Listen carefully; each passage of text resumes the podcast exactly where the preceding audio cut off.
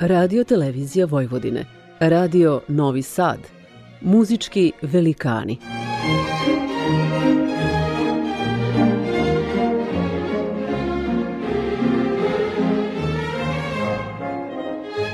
Urednik i voditelj Bogdan Đorđević.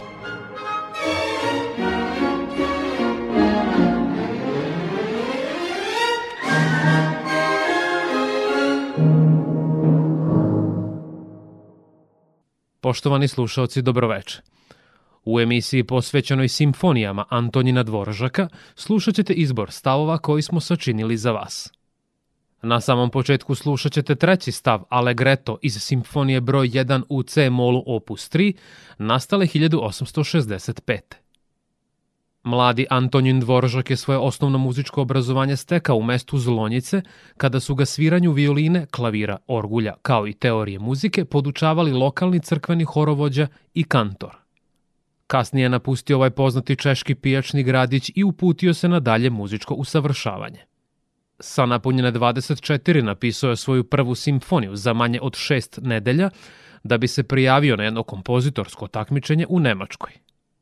Na konkursu nije uspeo da osvoji nagradu, a organizator mu partituru nikada nije vratio i zbog toga je on dugo verovao kako je ona nepovratno izgubljena, pa ju je uvrstio na listu svojih ranih radova, preciznije na spisak uništenih dela zbog preterano iskazane samokritičnosti.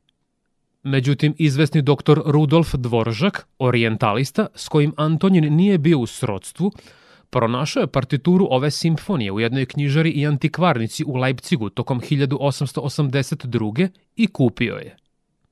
Iako je u to vreme Dvoržak napisao čak šest simfonija, Rudolf ju je zadržao u svom posedu i nikada nikome o tome nije progovorio ni reč. Nakon što je doktor preminuo, njegov sin je na to skrenuo pažnju muzičkom svetu – Autentičnost simfonije je bila nesumnjivo dokazana, pa se njeno premijerno izvođenje konačno odigralo 1936. u Brnu. Pred vama su sada Londonski simfonijski orkestar i dirigent Vitold Rovicki.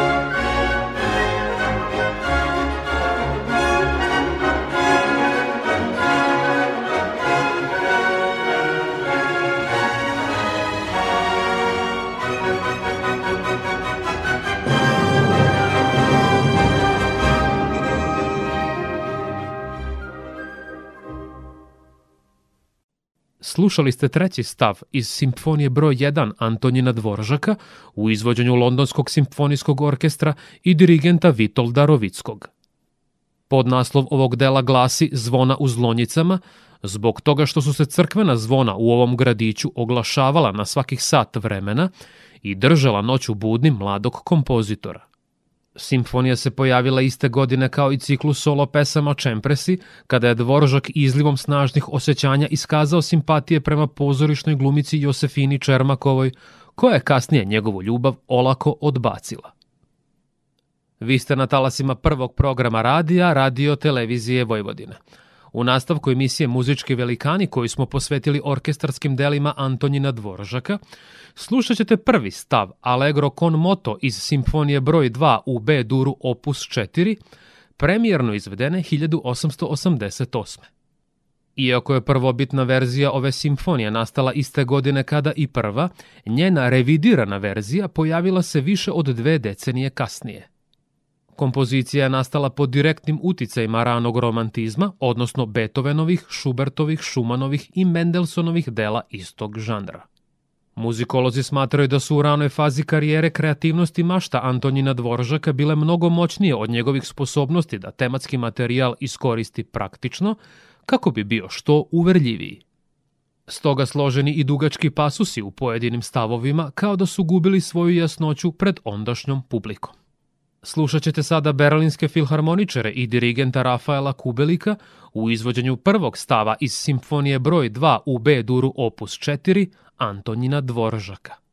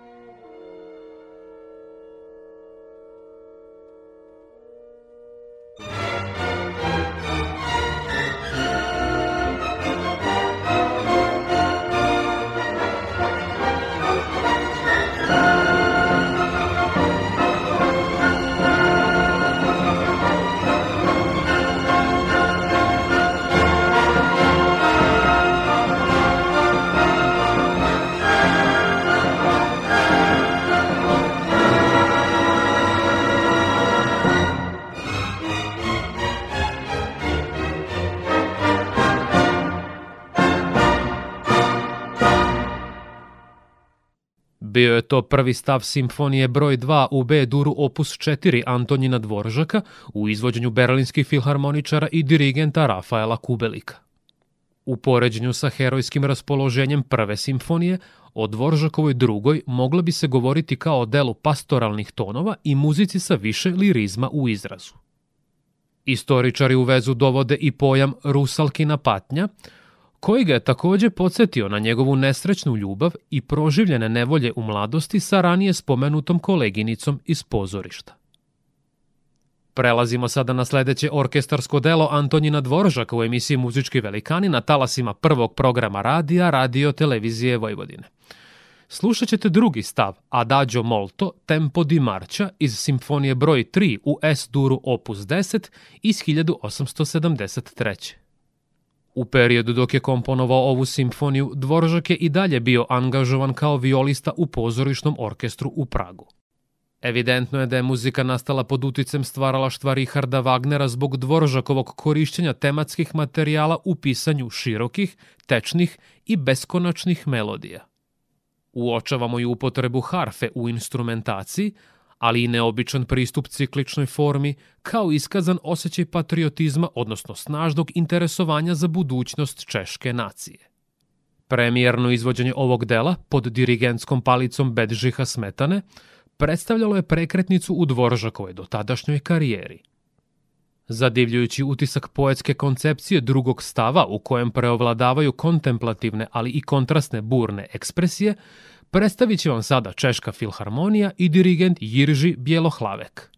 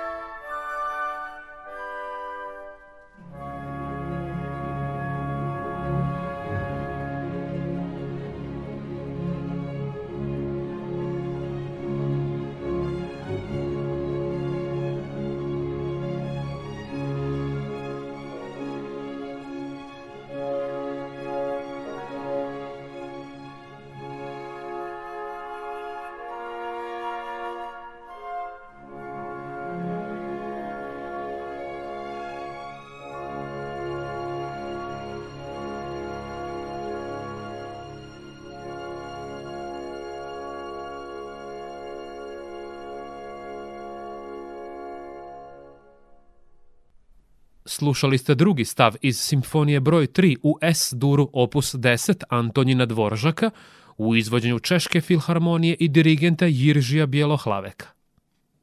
Od svih dela koje je napisao kao mladić, Dvoržak je imao posebnu naklonost prema ovoj simfoniji zbog njene koherentnosti, plemenitosti, uzvišenosti, ali i srodnosti tematske građe. Kompozitor joj se često vraćao i prema neproverenim pričama njenu partituru je prelistavao samo nekoliko dana pre smrti. U poslednjem segmentu emisije Muzički velikani na prvom programu Radio Novog Sada, koju smo posvetili orkestarskim delima Antonina Dvoržaka, slušat ćete četvrti stav Allegro iz simfonije broj 7 u D-molu opus 70, nastale 1885. Sumorna atmosfera ovog dela u direktnoj suprotnosti sa velikom većinom kompozicija iz Dvoržakovog opusa.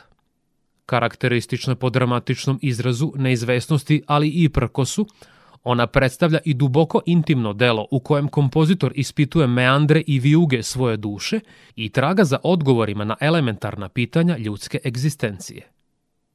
U vreme nastanka sedme simfonije Dvoržak se iznenada suočio i sa problemom rešavanja unutrašnjeg sukoba između patriotizma i kosmopolitizma. Između službe svoje zemlji i narodu koja se od njega očekuje i ambicije ka ostvarenju međunarodnog uspeha. Četvrti stav predstavlja primer Dvoržakovog napretka u kompozicionim veštinama, ali i njegove nepogrešive invencije i osjećaja za arhitekturu u celini. Finale kulminira u impresivno strukturisanoj kodi koja svojim odlučnim i oslobođenim izrazom samouvereno privodi delo kraju. Poštovani slušalci, polako se približavamo završetku večerašnje emisije. Moje ime je Bogdan Đorđević i do našeg sledećeg susreta utorkom posle vesti u 21 čas na talasima prvog programa radija Radio Televizije Vojvodine slušat ćete Kraljevski orkestar koncert Gebaua i dirigenta Sir Colina Davisa.